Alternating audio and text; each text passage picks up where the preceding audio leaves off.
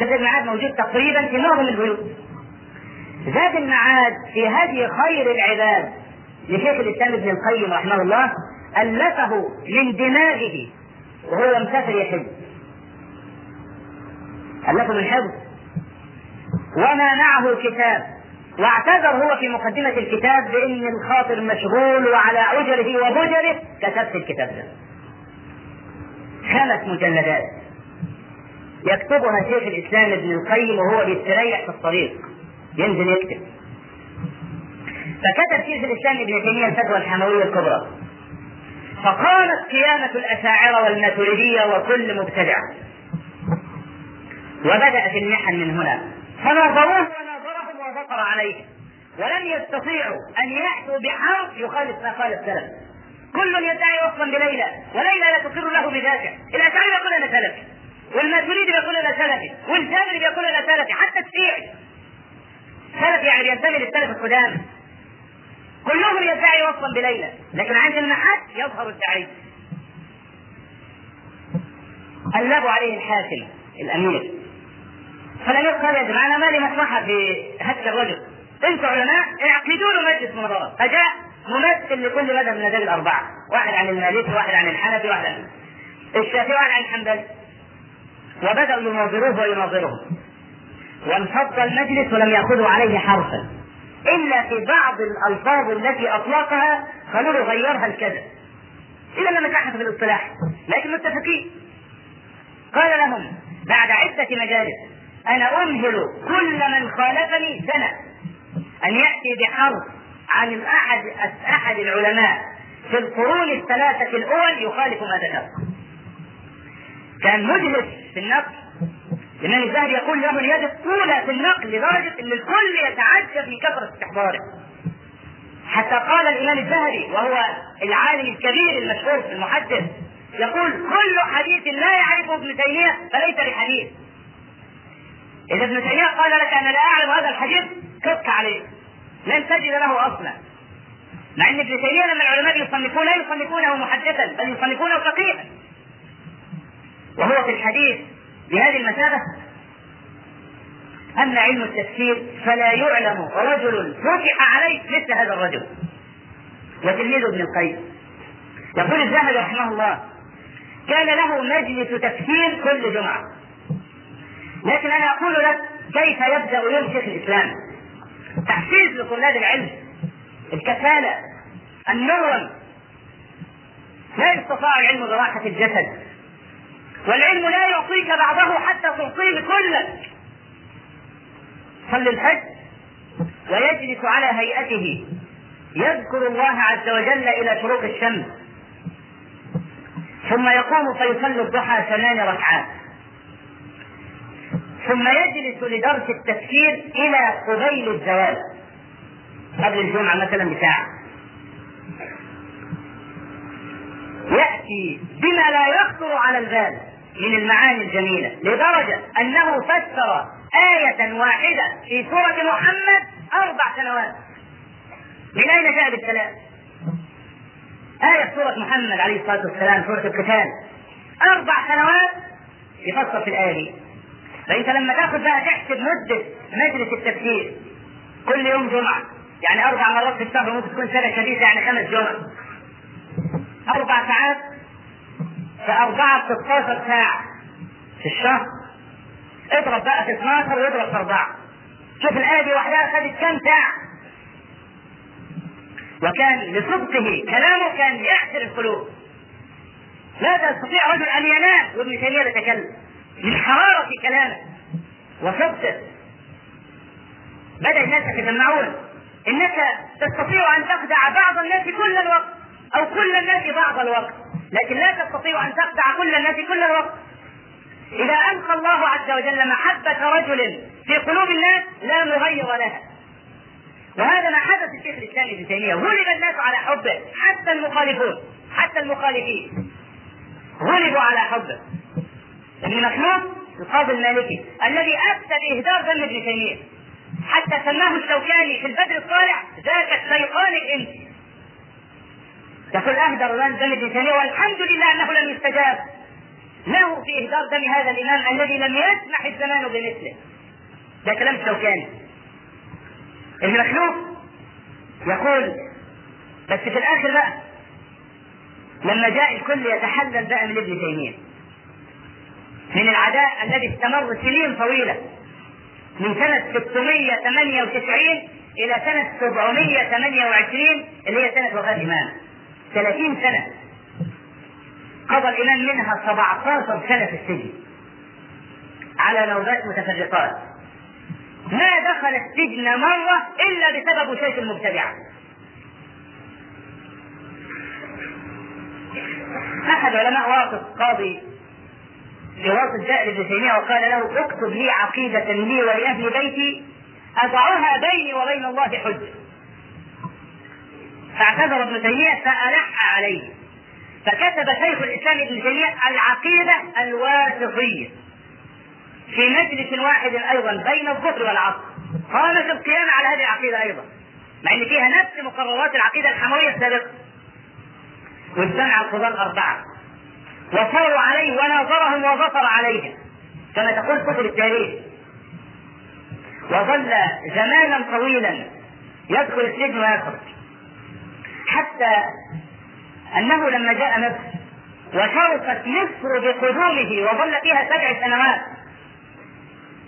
تعرفين السبع سنوات دول قضى فيهم عدة أشهر طليقة والباقي في السجن.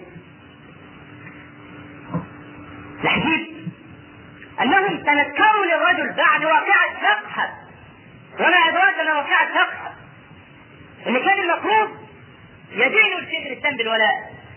بعدها لما دخل المغول تثار وقد غزوا العالم كله وفتحوه. حتى ان كان هناك لما يبعث بس رقعة ورق أنا جاي لابد أن ترتعد فرائض كل من في البلد لأن معروف إنه يصحى يخرج لم يرجم قط قال شيخ الإسلام ابن تيمية يدعو الناس بالجهاد وجد السلطان بيفعل فقواه وقوى قلبه وقال إننا لمنصورون هذه المرة. ان لا تقول إن شاء الله. قال له تحقيقا لا تعليقا أنا إن شاء الله داخله في الكلام مش لازم أقولها. ويقسم بالله إننا منصورون علينا هذه المرة. وده رجل عالم. قال ابن القيم رحمه الله في الوادر الطيب. من المكاتب المكيفة. إنما يكون موجود. حتى قال لبعض الحجاج السلطان أرني خط الموت. فين خط المواجهة فوقف عليه حد السلطان واللي حكاية يقول وأنا أعلم أنه مقتول. اركب الرجل الفرس ويدخل في المغول ويقسم أننا منصورون عليه هذه المرة. وذهب إلى الرجان الرجان ده اللي هو بتاع التتار. جاء وقال يا جماعة إحنا مسلمين. أنتوا خايفين مننا ليه؟ أنا رجل مسلم معايا شيخ أهو وقاضي ومؤذن ورجل بيؤم المسلمين.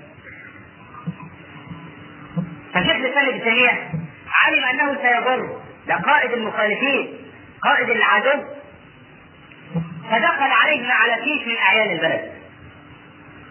يقول أحد العلماء الذين حكوا هذه الحكاية كان يكلم غزال بكلام شديد وأنا اجمع ثوبي علي حتى لا يختلط بدم ابن تيمية.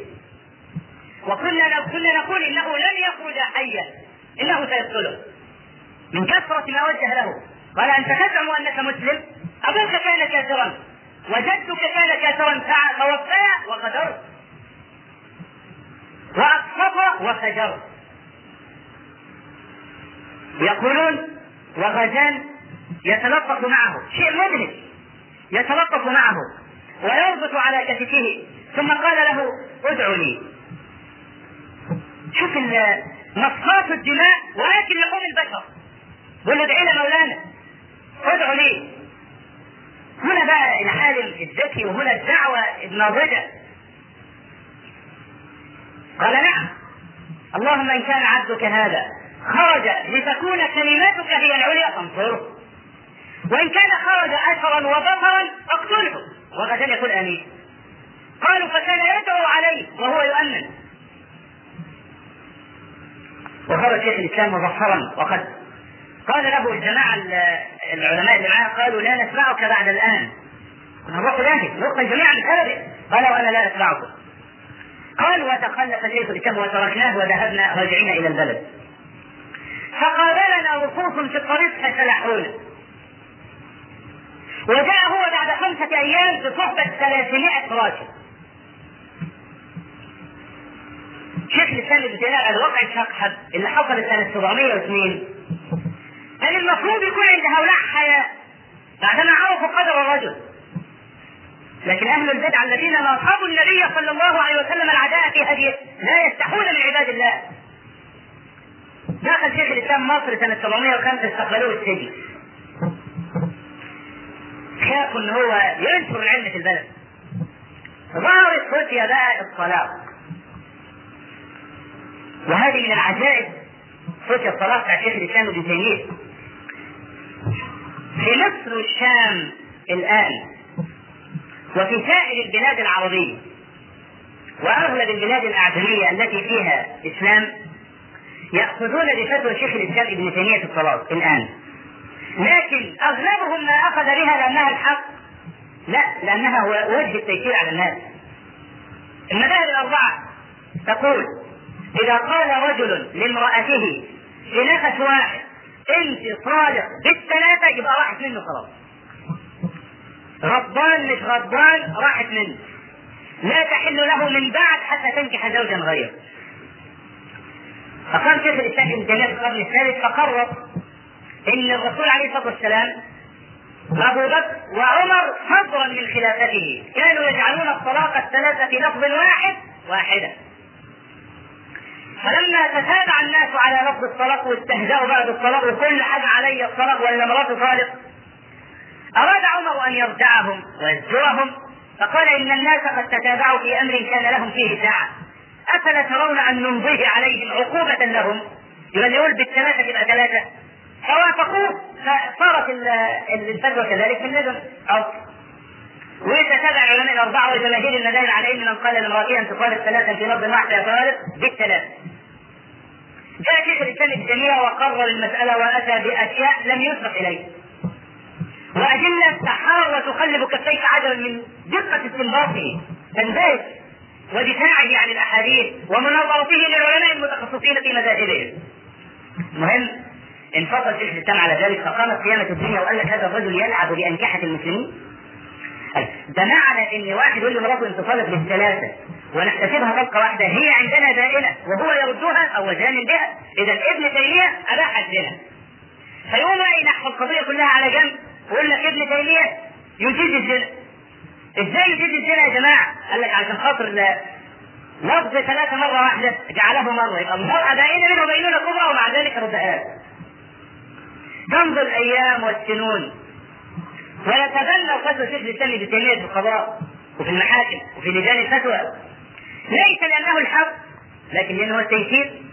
ولأننا لو أخذنا بفتاوى العلماء الأربعة يبقى 99 و999 من ألف. ممكن الجهاد تخرج فأخذوا بها. صبر شيخ الإسلام ابن تيمية وأفضل المحنة دي كلها كمان. في مصر. أول ما دخلوه السجن وجد بقى المساجين مشغولين بقى باللهو واللعب والقمار فأنكر عليهم أول ما دخل ولم يمكنهم من ممارسة اللهو واللعب. حتى تحول السجن إلى حلقة علم ومن الغرائب إن المسجون الذي كان يأتيه صدق الإفراد لم يكن يخرج. لا يريد أن يخرج. وصار السجن دور تعليم. بوجود هذا العالم المبارك أعداؤه لما نظروا فوجدوا الرجل المسجد حلقوا عليه فطلبوا نقله إلى سجن الإسكندرية. فنقل إلى سجن الإسكندرية حتى جاء السلطان محمد السلطان الناصر وسأل لسوريا عن كان رجل بطل مغوار يعني رجل شجاع يكتب لما يكتب القادة العسكريون يتحط جميع على الراس إحنا مدينين تيمية على الأقل تقوية القلوب. أين ابن تيمية؟ قال والله ده السجن الإسلامية فأرسل إليه. وجعل السلطان يعتذر له ويقول اجعلني في حلم. قال أنت في حلم وكل من عاداني. ولا يعلم أنني على الحق في حلم. شوف سماحة وما تركوا ممكنا في إيذائه إلا فعلوه. لدرجة إنهم ذهبوا إليه في المسجد وضربوه. تصور تصل البلطجة إلى الضرب. فجاء جماعة من العساكر الحمر من أتباع تيمية وأحبابه. قالوا نحن جئنا لك. قال ولم قال ننتظر ممن ضربك. قال إن كان الأمر لي والحق لي فقد أحللتهم. وليس لكم من الأمر شيء. قالوا ما بد لابد أن نفعل. قال إذا افعلوا ولا تستفتوني بعد ذلك. فكفوا. وقال أنا أحل كل من عاداني إلا من كان عدوا لله ورسوله. استمرت محنة الطلاق عدة سنوات. جاءت المحنة الكبرى.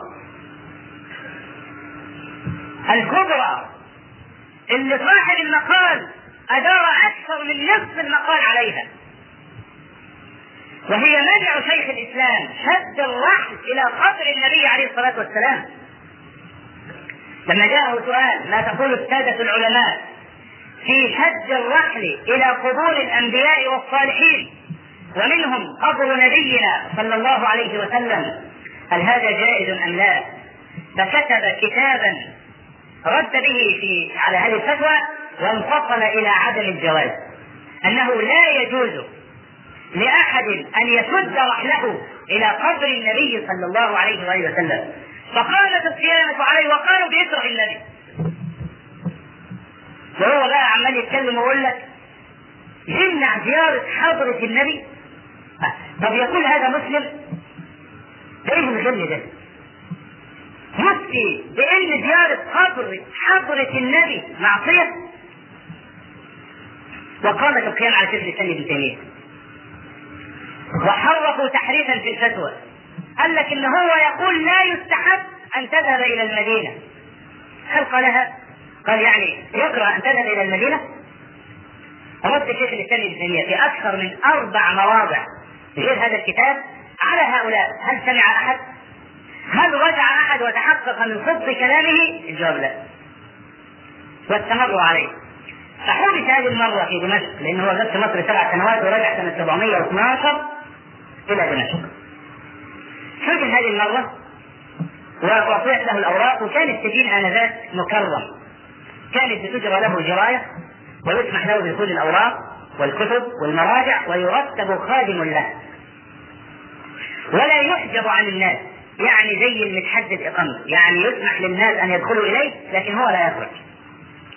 وكان الأعيان والعلماء يأتونه. يستكونه من باب ويأتيه الآخرون من باب آخر. يوم بالكامل مشغول إما في التصنيف وإما في الفتوى وإما في حل المشاكل. إلى أن شدد المخالفون عليه لما لقوه في السجن يستريح والناس يدخلون إليه ويستفتون وهم في الخارج. لا يستفتيه معه ومن عجب إن العلماء كانوا بالمئات ومع ذلك ما كانوا يأتمنون أحدا على الفتوى مثل شيخ الاسلام ابن تيمية. وهو مسجون ومن يهن الله فناله من مكرم. وقد أكرمه الله تبارك وتعالى فناله من مهين. إلى أن أخذوا منه الأوراق والأقلام ومنعوا أحدا أن يدخل عليه فبدأ المرض يشتد على شيخ الإسلام ابن تيمية رحمه الله وظل مريضا نحو 28 يوما. ثم وافاه الأجل.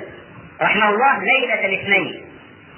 26 ذو القعدة سنة 728 بعد حياة حافله هذه مجمل حديث الإسلام ابن ولنا تعليقات على بعض ما ذكرناه آنفا. أقول قولي هذا وأستغفر الله العظيم لي ولكم.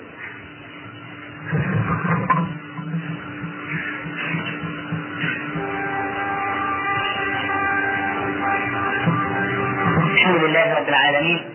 له الحمد الحسن والثناء الجميل. وأشهد أن لا إله إلا الله وحده لا شريك له يقول الحق وهو يهدي السبيل. وأشهد أن محمدا عبده ورسوله صلى الله عليه وعلى آله وصحبه وسلم.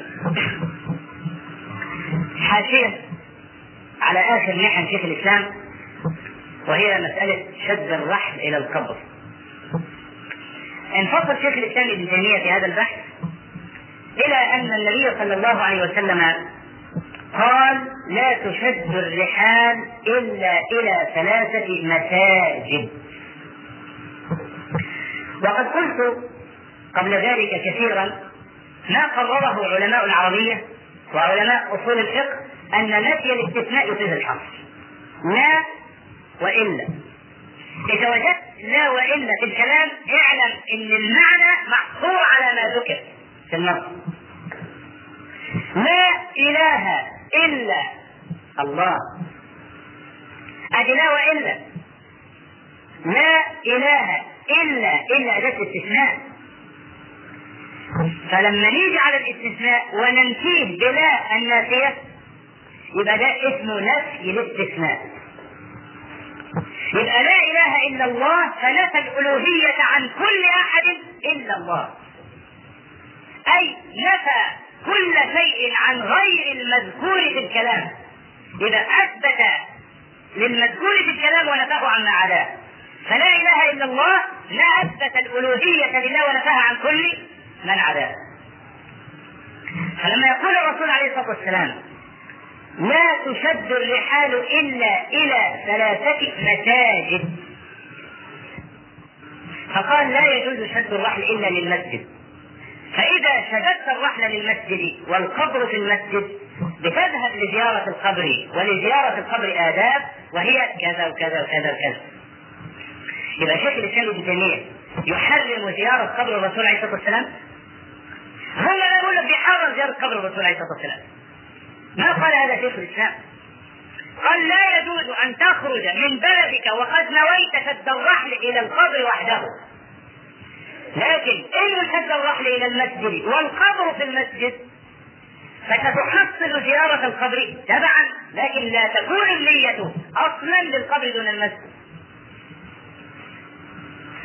ولذلك انفصل شيخ الإسلام ابن تيمية على أن الرجل إذا خرج من بيته وقال سازور قبر النبي صلى الله عليه وسلم أن هذا سفر معصية لا يجوز له أن يقصر فيه الصلاة ولا يجوز له فيه أن يفطر في رمضان لأن هذه الرخص ليقت بالطاعات وليس بالمعاصي.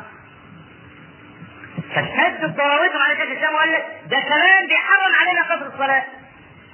وربنا سبحانه وتعالى أباح لنا الفطر في رمضان في حدث وبدا حرمه علينا. وجمعوا جواميزهم على شيخ الإسلام الجزئيه دي. هو المحب أنتوا عارفين لو الآن انفصل قبر النبي عليه الصلاة والسلام عن المسجد قد تجد بعض الناس يزور القبر ولا يدخل المسجد. لأنه خرج لا يهمه أن يصلي في المسجد إنما يهم القبر. وهذا غلو نهى النبي صلى الله عليه وسلم عنه. وقال اللهم لا تجعل قبري وثنا يعبد وقد صار وثنا عند طائفة من الناس الذين ينتسبون لآل البيت على رسوم الشيعة في كل طوائفهم. منذ عدة سنوات أرادت إدارة المسجد النبوي إنها تغير مواسير التكييف تكييف الحجرة النبوية. أجهزة التكييف فوق والمواسير من فوق. فلما راحوا بقى عشان يكسروا بقى الأسمنت والحاجات دي ويطلعوا المواسير هاجت الرافضة وقال لك عايزين يهدوا القبر. فما جرؤوا على أن يمد أن يصلحوا شبكات التكييف لأن للرافضة دولة في مكة والمدينة ونفس شبكات جديدة. الوهابيين عايزين يهدوا بيكرهوا النبي وبعدين يهدوا القبر بدعوى اصلاح التكييف. وما جرؤوا. هي مكة والمدينة الآن مين اللي معمر مكة والمدينة؟ هم الروافض ولاة الروافض. هم اللي مسيطرين على مكة والمدينة. فشيخ الإسلام ابن تيمية لما لما لما قرر هذه الحقيقة قررها ونقل مذاهب العلماء. فاتهموه بأنه هو بيحرم زيارة الرسول عليه الصلاة والسلام. الشيء الآخر الذي أريد أن أذكر به طلاب العلم. وأي رجل له مساس بالعلم. أن أعظم شيء يثبت العلم الإخلاص في طلبه وفي أدائه. شيخ الإسلام ابن تيمية رحمه الله كان رجلا ذاكرا. يقول شمس الدين الزهري تلميذ شيخ الإسلام ابن تيمية وليس هو الزهري اللي قتلته جماعة التفسير سنة 77 الزهري شيخ الإسلام تلميذ. يقول كان له أوراد يدمنها. وكان كثير الذكر رابط الجأش. لا يترك الجلوس بعد صلاة الصبح إلى غدوة إلى طلوع الشمس أبدا. ويقول هذه غدوتي لو تركتها سقطت قواي وكان إذا سئل مسألة فأشكلت عليه تبين وجه الجواب. يكثر من الاستغفار حتى كان يقول إذا أشكل علي شيء من الجواب أذكر الله ألف مرة ويزيد. وأستغفره ألف مرة ويزيد حتى يفتح لي. بخير. عارف يجيب البتاع كوباية شاي. فتح الشباك البحري آه نروح بقى عن نفسنا ونرفع عن نفسنا في الواحد من كثر طلب العلم. برضه حس بملل. نعمل رحلة ترفيهية. قلنا بقى عشان يفتح له لا. لا يفتح لك في العلم الشرعي إلا إذا أتيت الباب من إلا إذا أتيت الأمر من بابه. كما فعل شيخ الإسلام يكثر الاستغفار وكان يقول ربما ذهبت إلى الخلوات التي ليس فيها أحد خرابات. فأمرغ وجهي في التراب وأقول يا معلم إبراهيم علمني. فلا يرجع إلا وقد فتح له. وكان مباركا في التصنيف والكتابة. حتى جعل الفقه حدود تسميه تحس له الطعم انك تاكل شيء جميل. اقرأ الفقه بقى للجماعة في الحواس تحس إن واحد بيقذفها في الحجارة. فقه الفقه قوية تحتاج إلى قانون. شيخ الإسلام ابن تيمية جعل الفقه حكاية لطيفة. تقرا الكتاب بتكتشف تحس إنك مش عايز تبطل قراءة. حبب الناس إلى حبب الفقه إلى الناس. كان شيخ الإسلام يكتب كما يقول ابن القيم في وابل الصيف وقد رأيت منه شيئا عجيبا. كان يكتب في ليلة لا ينسخه الناسخ في جمعه يعني يقعد يكتب في ليلة كده ان مثلا كشكول ورقه لو واحد حب ينسخ لنفسه نسخة يجيب أسبوع ينقل في الكلام. من الأولى بقى بالوقت والحاجة اليه؟ الذي ينسخ بلا عقل ولا الذي يصنف ويرتب الأدلة؟ لا شك أن الذي يصنف ويرتب الأدلة محتاج إلى وقت